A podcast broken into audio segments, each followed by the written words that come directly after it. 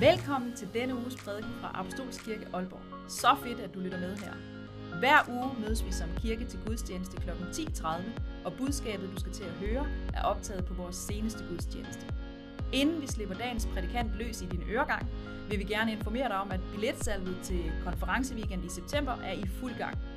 Vi glæder os til at bruge en weekend sammen med lækker mad, god kaffe, fedt fællesskab og stærke møder med Jesus. Det foregår i weekenden fra den 15. til den 17. september, og vi håber, at du vil være med. Find mere info og tilmeld dig på vores hjemmeside apkolborg.dk Og nu ugens prædiken. Enjoy!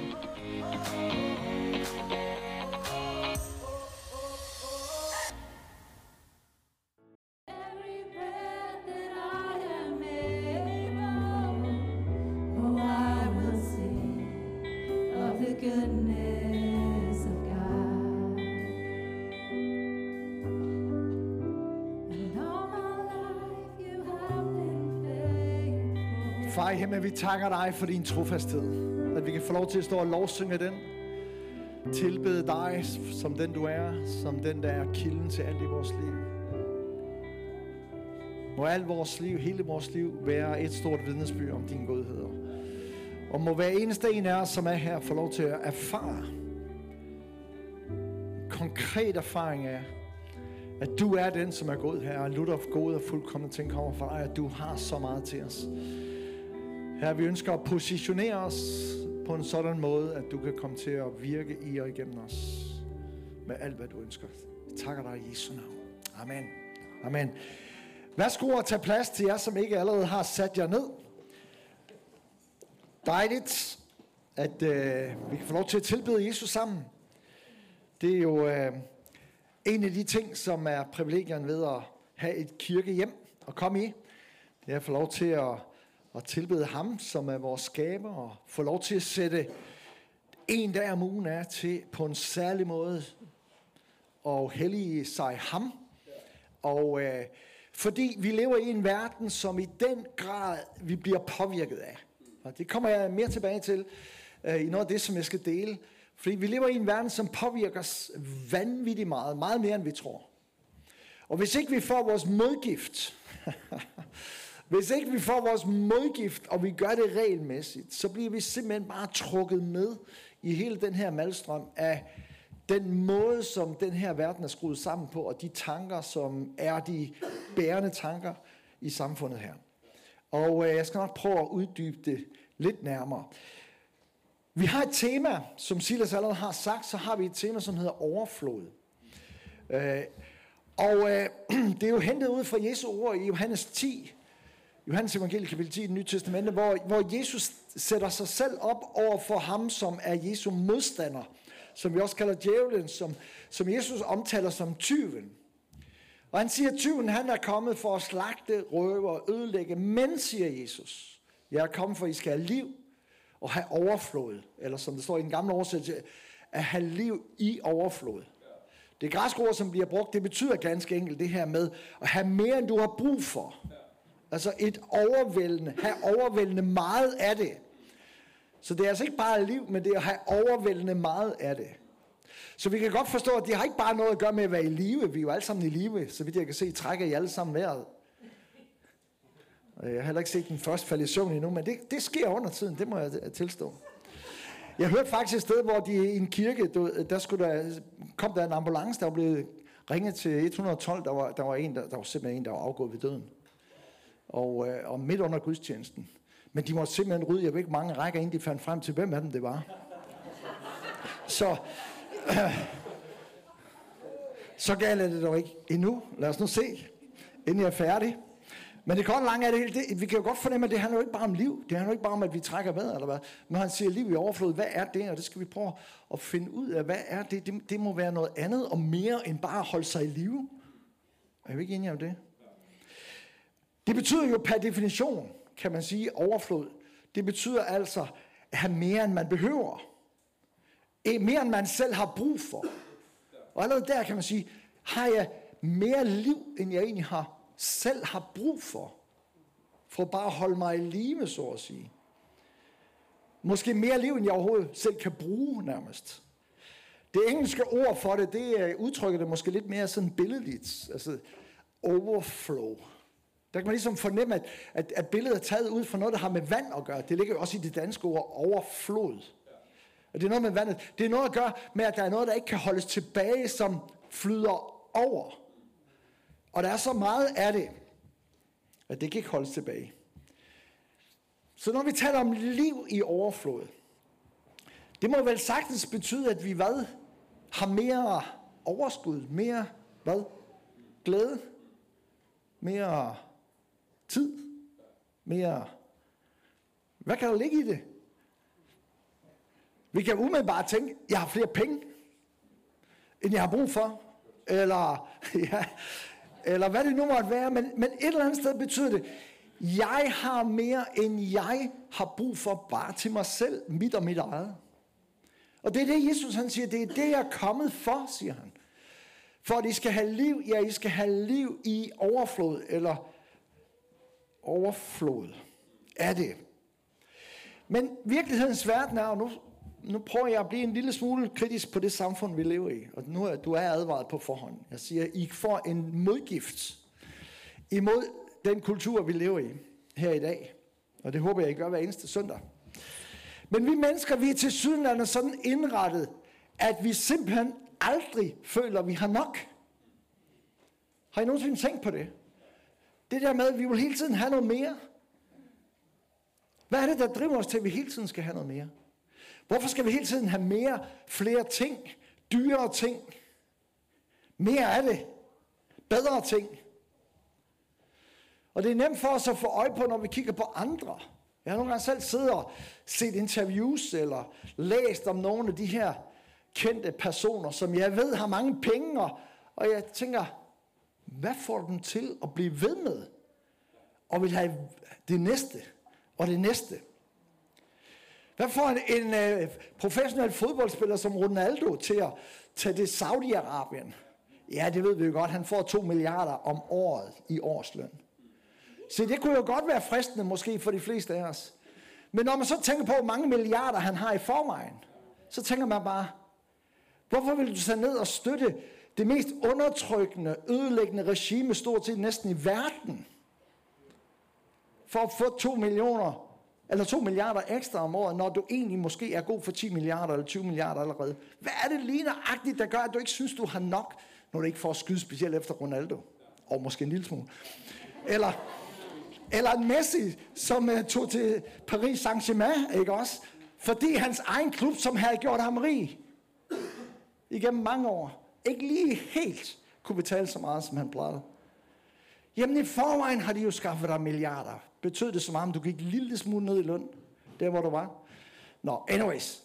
Um, og det er nemt at få øje på, eller den her rigmand, uh, øh, forretningsmand, som har fem uh, biler i millionklassen holdende, holdende i garagen, og som, uh, de er kun to i husstanden, men der er selvfølgelig fem biler.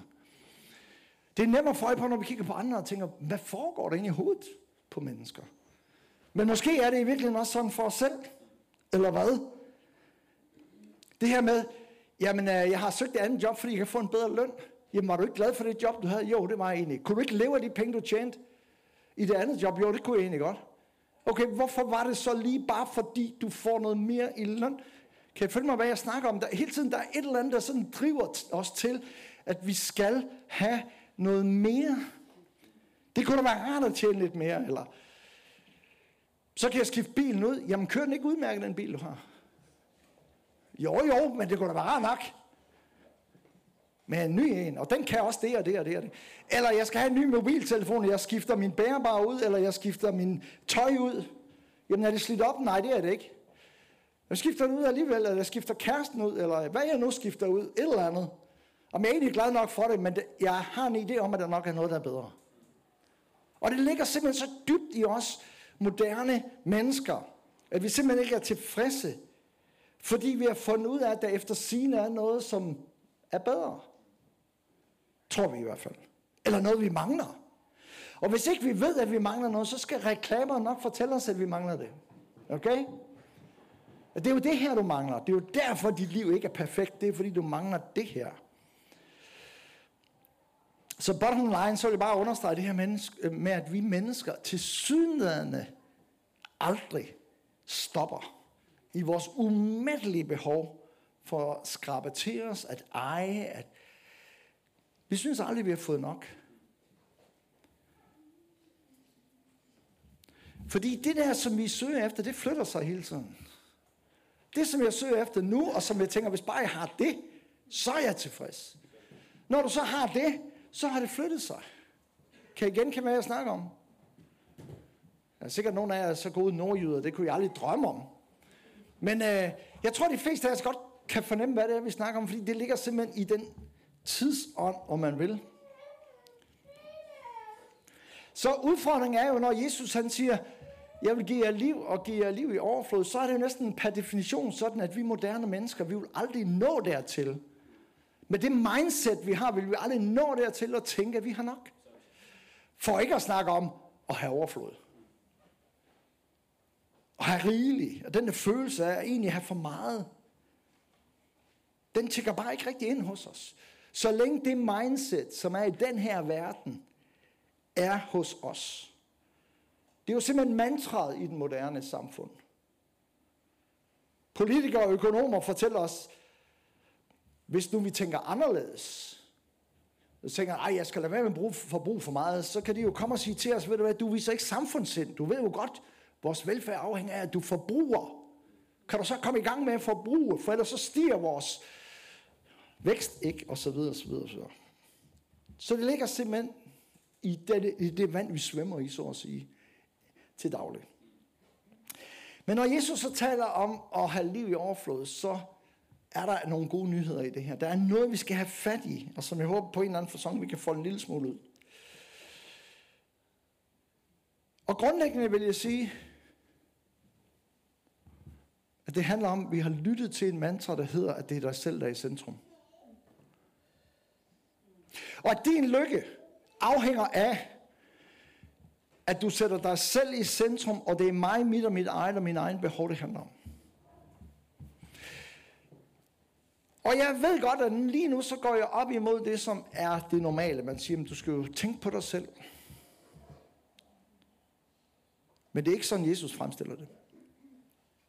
Og Jesus, han er super radikal.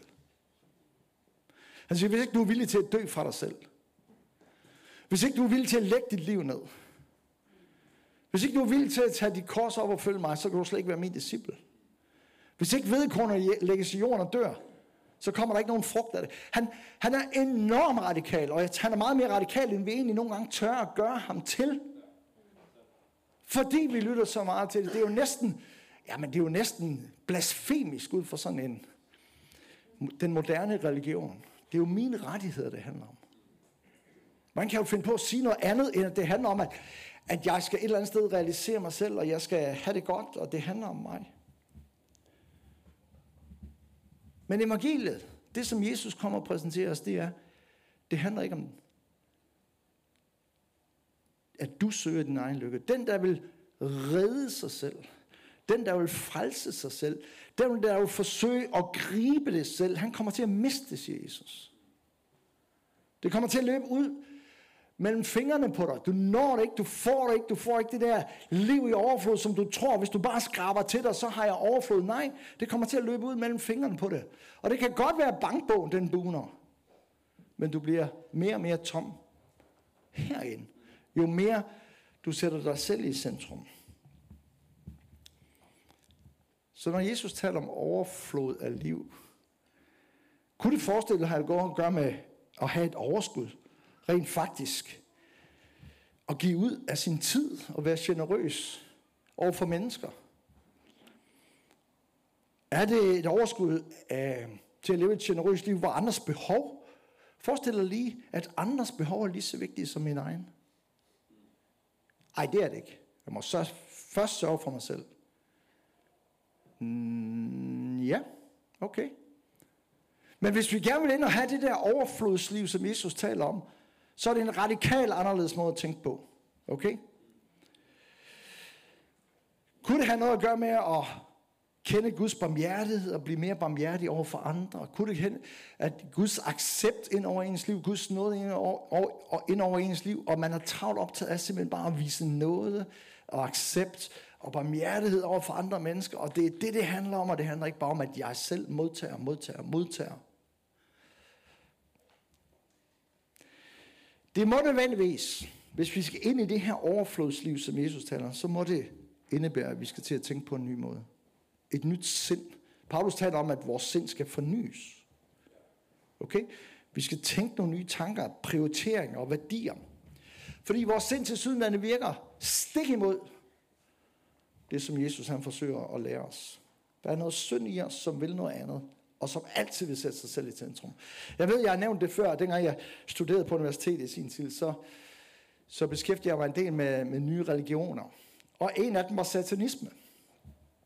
Og øh, jeg gik ned på biblioteket for at låne øh, Satan-bibelen, som den kaldes, som er skrevet ind hedder Anton LaVey. Og øh, langt om længe lykkedes det at få den hjem. Den var meget lånt ud, så det var svært at få den. Øh, og da jeg satte mig ned og læste den, så blev jeg dybt chokeret. Ikke fordi det dryppede af blod fra hver eneste side, som jeg har forestillet mig. Så noget med at bide hovedet af høns og alt muligt andet. Jeg har forestillet mig det mest blodige overhovedet. Ved du, hvad den handler om? Summeret op på nogle få linjer. Ved I, hvad, hvad Satan Bibelen handler om? Dyrk dig selv. Den største helligdag for satanismen, det er din egen fødselsdag. Det handler om dig. Dit og dit dig. Og da jeg læste det, så var jeg sådan helt, jeg var fuldstændig rystet bag, så tænkte jeg, hvis det er satanisme det her, så er hele vores samfund gennemsyret af det. For det er det mantra, det er det vi hører, det er det budskab, som lyder hele tiden. Og vi har drukket af det samme bæger. Vi svømmer i det samme vand som kristne. Og tror, at det er det, Guds rige handler om. Det er ikke det, Guds rige handler om. Det er ikke det, Jesus forkynder. Han forkynder noget helt, helt andet. Okay, jeg vil prøve at give nogle få nøgler til det her overflodsliv, som Jesus han taler om. Det første, og det har jeg noget antydet, det er, lad være med at se på det, du har, som dit. Okay, hvad har du? Jamen, du har et liv. Du har nogle evner. Nogle færdigheder. Du har måske en uddannelse. Du har noget erfaring. Du har nogle penge. Du har en hel masse ting, som du har fået samlet dig hen ad vejen. Det, som Jesus har lært os, det er at se på det ikke som noget, som er dit, men noget, som du har fået betroet. Paulus siger det også. Hvad har du, som du ikke har fået givet, siger han. okay, det øjeblik, det er noget, jeg har fået givet, men, det, men ikke til ejendom, men som noget, jeg har fået betroet, som noget, jeg skal forvalte. Så ændrer det mit mindset. Fordi så er det ikke mit. Det tilhører ham. Jeg har fået det for at forvalte det. Og når Jesus fortæller lignelsen om de betroede talenter, så ser vi, at han giver nogen noget, og nogle andre noget andet. Alle får ikke lige meget. Men det, der var pointen, det var, hvad gør du med det, du har fået? Og der var tre mænd i den her lignelse. Vi vil ikke tage os tid til at læse den her lignelse. Der var tre mænd i den her lignelse. Den ene, han fik fem talenter. Og talenter, det var vel at mærke en myndigenhed dengang. Fem talenter, tre talenter. Nej, to talenter, og så et, øh, et talent. Og ham med fem, og ham med to, gik ud og investerede det. Og jeg ved ikke, om du ligesom jeg, nogle gange, når jeg har læst den her historie, eller hørt den her læst op, så har jeg siddet og rystet på hovedet af ham nummer tre. I hvert fald det indre hoved, om ikke andet. Det kan godt være, at jeg ikke har siddet under prædiken og siddet og rystet på hovedet, men så har jeg rystet på det indre hoved og tænkt, han er simpelthen for dum. Set i bagspejlet, så er det tydeligt, at det er de to, som rent faktisk investerer deres talent, og det er dem, der får noget ud af det. Det er dem, der oplever at få overflod for mere, langt mere, end det de havde før.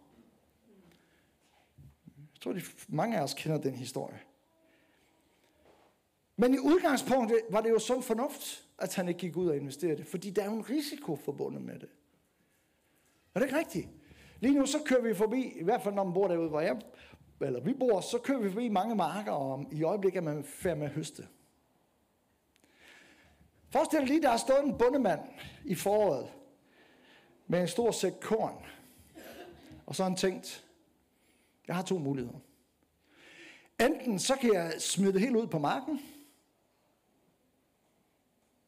Eller også så kan jeg beholde det, og så kan jeg leve af det, og så kan jeg faktisk... Øh, så kan jeg leve ret godt og komfortabelt det næste stykke tid her.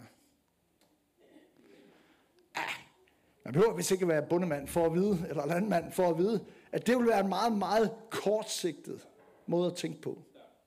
Fordi det er det, du investerer, du skal leve af i fremtiden. Det, der skal bringe dit overflod, dit overskud, det er det, du er villig til at investere. Men der er også en risiko ved det. Det er jo en to skridt at investere.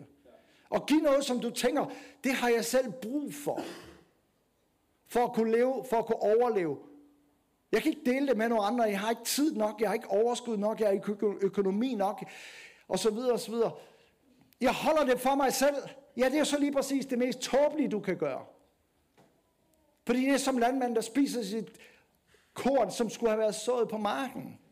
Det, der skal give overskud i næste omværing, det er, at du investerer. Du og jeg investerer det, vi har fået, for at det kan mangfoldiggøres. Okay? Så hvis du gør det, at du holder det for dig selv, så ender du i fattigdom. Bundemanden, som spiser sit korn op i stedet for at så det, han ender i fattigdom. På alle måder kommer til at mangle. Så overflod kommer af at investere i nogle andre.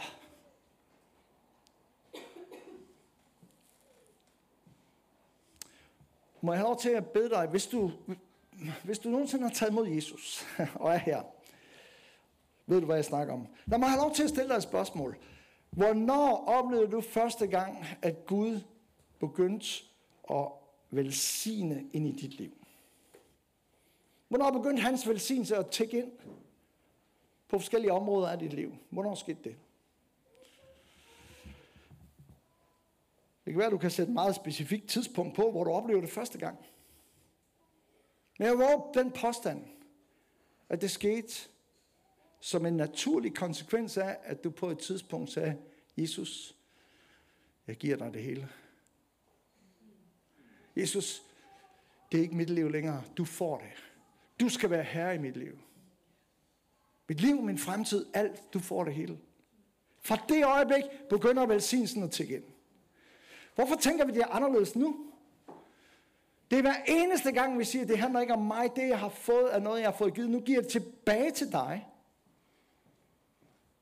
Og nu vil jeg bruge det for dig. Og ikke bare for mig selv. Hver gang vi gør det, usvigeligt sikkert, så vil du opleve velsignelse. Så vil du gerne have overflod, vil du gerne have liv i overflod, så handler det om at investere. For livet handler ikke om at sikre dig selv. Fordi hvis du gør det, så ender du med at være fattig. Og så går du dø med 5 millioner på kontoen og være et fattigt menneske. Okay? Det andet, jeg vil sige, det er, det her med at lære at se på de sande værdier i livet. Okay? Og de her sande værdier, de ligger jo ikke i penge. Hvorfor stræber vi så så meget efter det? Status, penge, status, symboler. Alt hvad der sådan et eller andet sted er det ydre.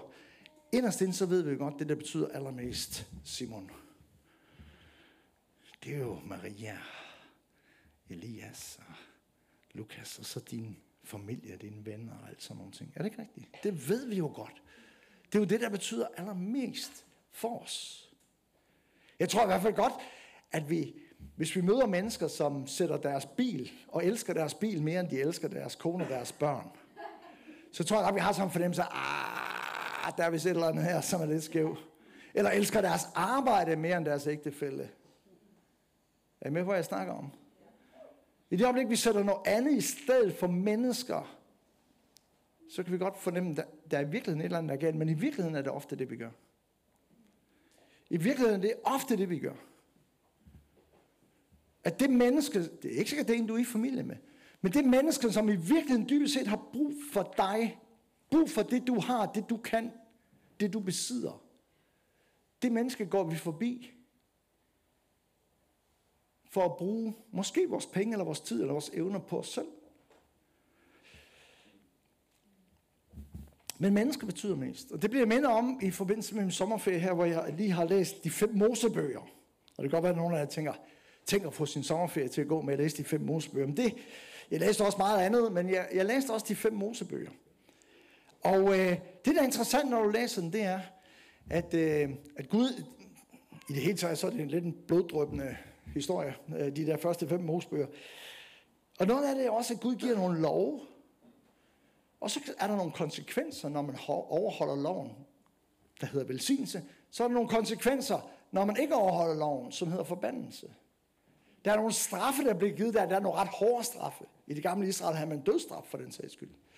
Men noget af det, der var interessant, det var, det kunne ikke lade sig gøre for dødsstraf for at stjæle. Det kunne ikke lade sig gøre for dødsstraf for at ødelægge en anden mands ting.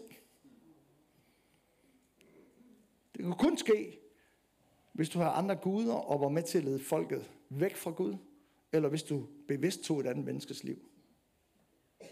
Mennesket var altid over tingene.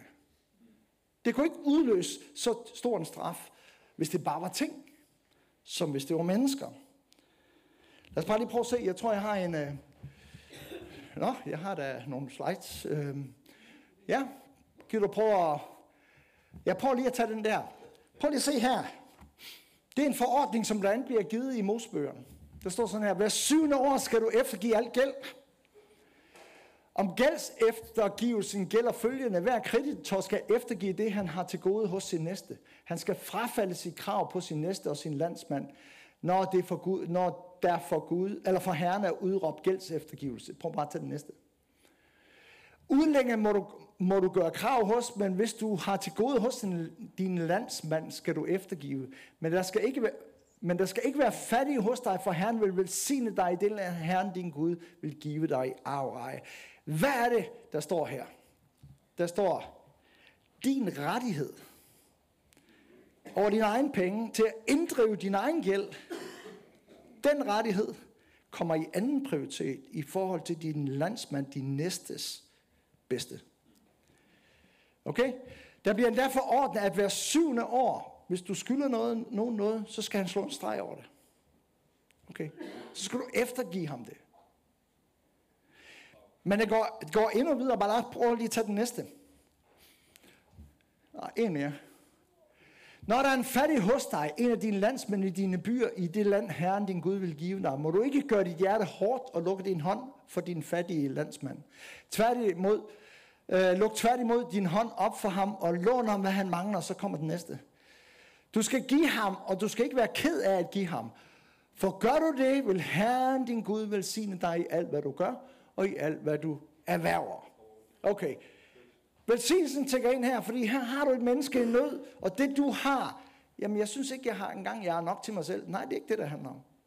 Det handler om, er du villig til at investere det, du har, til at hjælpe en anden mands nød, så vil Herren velsigne dig i det land, som du er i. Fordi det andet menneske kommer forud, selv forud for den private ejendomsret i det gamle Israel. Der er forordning om, at du må ikke have lov til at høste marken to gange. Altså, du må ikke have lov til at gå efter, når du har gået og høstet med sejl eller le. Så må du ikke have lov at gå tilbage, fordi der står nogle totter rundt omkring. Det må du ikke. Jamen, det er da min mark. Det er mig, der har sået det. Det må du ikke. Det der, det skal de fattige have. Du må ikke have lov, når du plukker vindruerne. Hvis ikke du får det hele med i første omgang, må du ikke gå tilbage og plukke det. Er det samme med oliven, og hvad ved jeg? Jamen, det er da mit. Jamen, der er nogle mennesker, der har brug for det. Der er nogle mennesker, der er i nød. Og når du, når du, tager, øh, du, du låner ud til nogen, så må du ikke, du må godt tage pant. Men der er nogle ting, du ikke må tage pant. Du må ikke tage hans møllesten, du må ikke tage hans kappe. For hvis du tager hans møllesten, så, han, så kan han ikke lave mad. Du må ikke tage hans kappe, den bruger han til at sove i. Så hele tiden så ser vi, at mennesket kommer forud for ting. Selv mine rettigheder, jamen jeg har da ret til. Ja, ja, men det hjælper ikke noget, hvis det er sådan, det går ud over et andet menneske. Så det er bare for at stille i perspektiv, at det er sådan, Gud tænker. Okay? Det samme omkring, Jesus gør det samme omkring sabbaten, når vi kunne fortsætte. Hvad kommer først? Sabbatsbudene, som ellers er nogle meget strenge bud, hvad du må og hvad du ikke må, eller et menneske, som er i nød. Altid være mennesket. Det er sådan, Gud tænker. Og det er sådan, han ønsker, at vi skal tænke. Men det er ikke det, der kommer til at ske, hvis vi følger normen i det samfund, vi er i, for så vil det være mig selv, mit og mit egen, mine egne rettigheder, som går forud for mennesker, specielt mennesker, som ikke nødvendigvis er i familie med. Og så er det, Jesus fortæller lignelsen om, om hjertet i samaritaner. Det handler ikke om, at du er i familie med den. Det handler om de mennesker, du møder på din vej. Okay? Den tredje ting, jeg lige vil nævne, det er omkring at vælge at investere i det, der har de sande værdier. Når Jesus taler om at give og være generøs, så siger han, at det, der sker i det øjeblik, at du giver til, lad os nu sige, det er Silas. Han er i nød. Han står over for at miste huset, fordi han kan ikke betale sine regninger. Men du har egentlig penge stående på kontoen. Så står der, Jesus han siger, hvis du vil give til den, som er i nød, så samler du dig skatte i himlen. Du laver altså en investering, hvor det ikke bare handler om, at nu der er mennesker, der får hjælp. Du laver en investering, siger Jesus, et sted i himlen, hvor du en dag kommer til at indløse med renters renter. Og han siger, at det er et sted, du investerer, som ikke bliver ramt af, at kurserne går ned, og guldpriserne falder, eller hvad ved jeg. Som handler om at investere i himlen. Han siger, du skal investere din skat i himlen, siger han. Ah, men det er jo så lidt diffus, det der med, med himlen. Men ikke desto mindre siger han, hvis, det er jo de sande værdier. Det er dem, du deponerer i himlen. Okay? I Matthæus 6, 33, der er et meget kendt vers, og jeg er snart ved at være færdig, jeg tror, vi har den der. Der siger Jesus til sådan her, i forbindelse med det her med at stræbe efter hele tiden bare have nok og skrabe til sig, så siger han, søg først Guds rige og hans retfærdighed, så skal alt det andet gives jer tilgift. Hvad mener han med det? Alt det andet? Ja, siger han, det var alt det, hedningerne stræber efter. Og jeg ønsker, jeg kunne sige, ja, det er jo alt det, de andre stræber efter. Men jeg har været kristen længe nok, og været i kristen kredse længe nok til at vide, at det er præcis det samme, alle kristne stræber efter. Og det er jo der et eller andet sted, vi misser pointen i det, som Jesus han taler om. Fordi vi skulle jo være det alternative samfund. Vi er jo kaldet til at være nogen, som tænker anderledes. Som har lagt vores liv ned og sagt, det jeg har, det er ikke mit. Gud, brug det. Hvad vil du bruge det til? Hvordan kan det være til velsignelse? Hvordan kan jeg investere i, i det, som betyder allermest for dig? Nemlig mennesker. Og så har han lovet, hvis vi gør det, så vil han velsigne. Så vil han give os liv. Og liv i overflod. Det er ikke din bankkonto, han vil velsigne, som du bare får mere og mere og mere til dig selv. Det er ikke den måde, det fungerer på. Invester den i stedet for. Han har sagt, din himmelske bank, ved at du velsigner andre mennesker. Ved at du investerer ind i Guds rige. Og når du gør det, så vil han velsigne, så vil han give dig liv i overflod. Hvis nu der er nogen, der siger til dig, det er også vigtigt, at du forvalter dine penge rigtigt. Har Er der nogen forældre, der nogensinde har sagt det til deres børn? Du skal lære at håndtere penge og forvalte dem rigtigt. Hvad mener vi så? Jamen, det handler selvfølgelig om at være fornuftig med sine penge. Det handler om at spare op.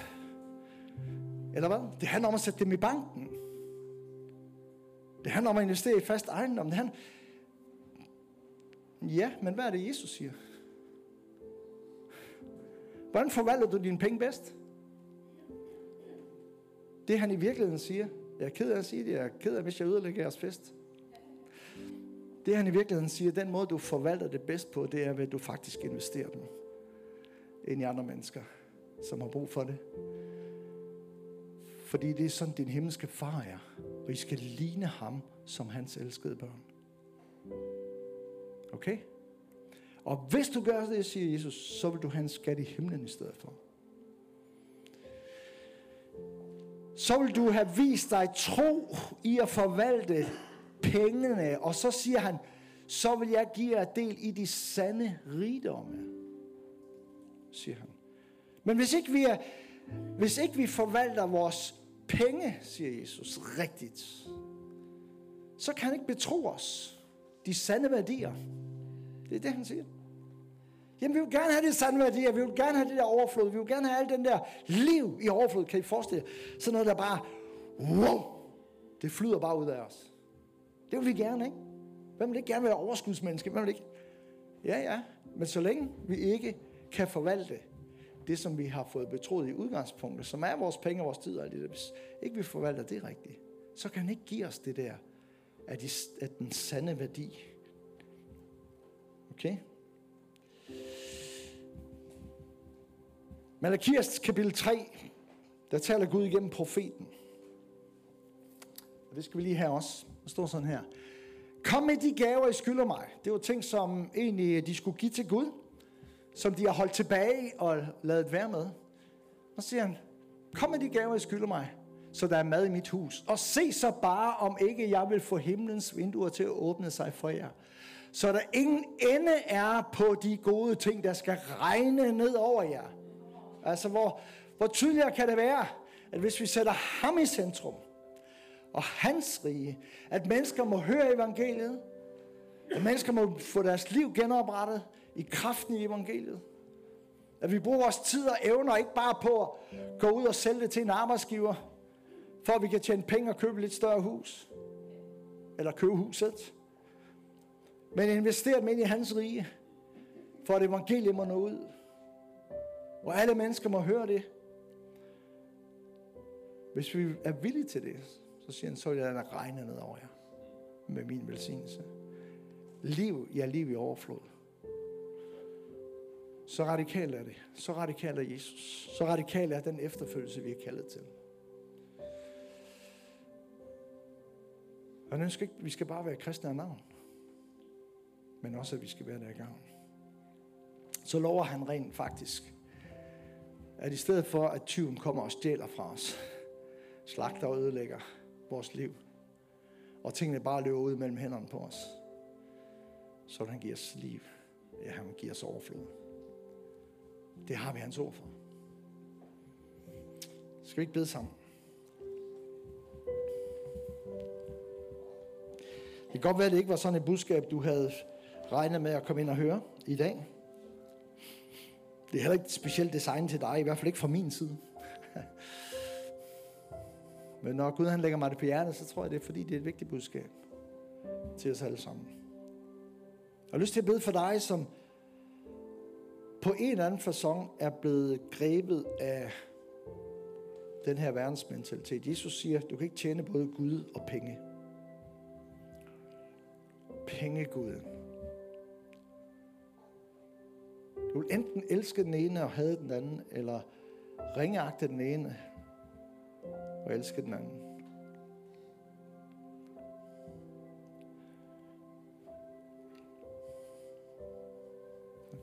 Jeg gerne udfordre dig til at give alt til ham. Hvis du aldrig har gjort det før, aldrig har givet dit liv til Jesus, så er det der, det starter. Det ved jeg fra mit eget liv. Det er jo der, Guds velsignelse begyndte at tække ind i mit liv. Det var det øjeblik, jeg sagde, og det gjorde jeg som 17-årig. Så Jesus, du skal have det hele.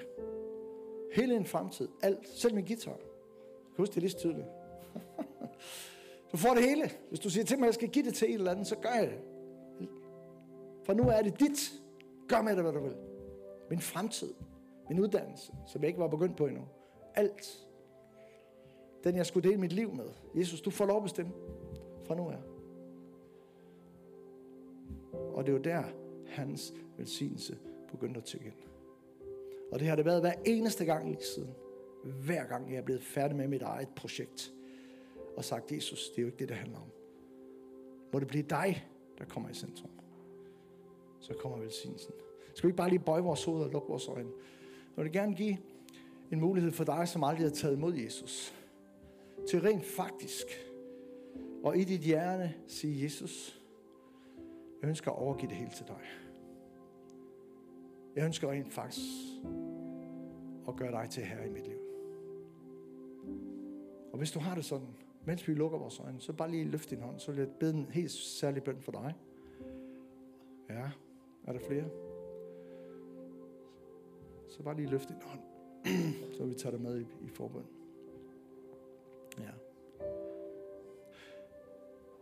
Herre, jeg takker dig for den hånd, der blev løftet. Jeg takker dig, far, fordi at det må føre til et forandret liv her. Herre, nye prioriteringer. Her er nye perspektiver. Jeg beder dig her om, at du må komme ind, og du må rense og tilgive, og fjerne al skyld, al skam, alt det, som det her liv indtil nu har budt på, og som har ført til ødelæggelse og følelsen af at være blevet stjålet og røvet fra. Tak, Jesus. Der må komme nyt liv. Så har jeg lyst til at bede for dig, som føler en lille smule på valg, når du hører sådan et budskab som det her. Du kan mærke, at der er noget stridt i det, men der er også noget i det, du ved er rigtigt. Der var noget, du lovede Herren. Der var noget, som du engang gjorde. Der var en radikalitet, som var der engang, men som er forsvundet. Jeg har lyst til at bede for dig. At du må komme til at brænde for Jesus igen. Den der første kærlighed. Som gjorde, at vi sagde, Jesus, ja, det er lige meget, om du så siger, at du jeg skal tage til Timbuktu, så gør jeg det altså. Eller til øh, Nuuk i Grønland, eller hvad ved jeg. Det er sådan set lige meget. Om jeg skal selv have, hvad jeg har og give det til det fattige. Jeg er sådan set ligeglad. Jesus, jeg ønsker bare at køre din vilje. Jeg ønsker, det til at for dig. For hvem det er long gone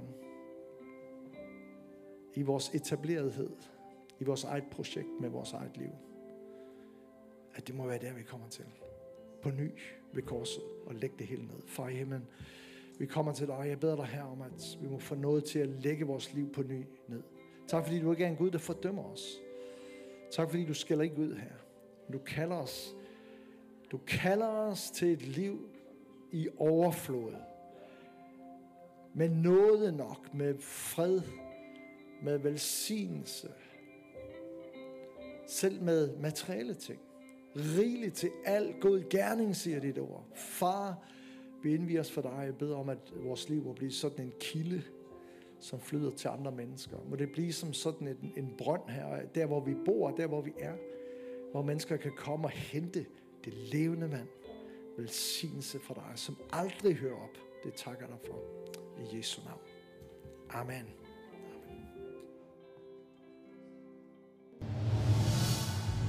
Tak fordi du lyttede med i dag. Vi håber, at du oplever dig fornyet og opmuntret i din tro. Hvis du ønsker, at vi skal bede for dig, eller at connecte med os, så find os på Instagram og Facebook, eller besøg vores hjemmeside apkolborg.dk. Vi vil super gerne høre fra dig. Ha' en fantastisk dag.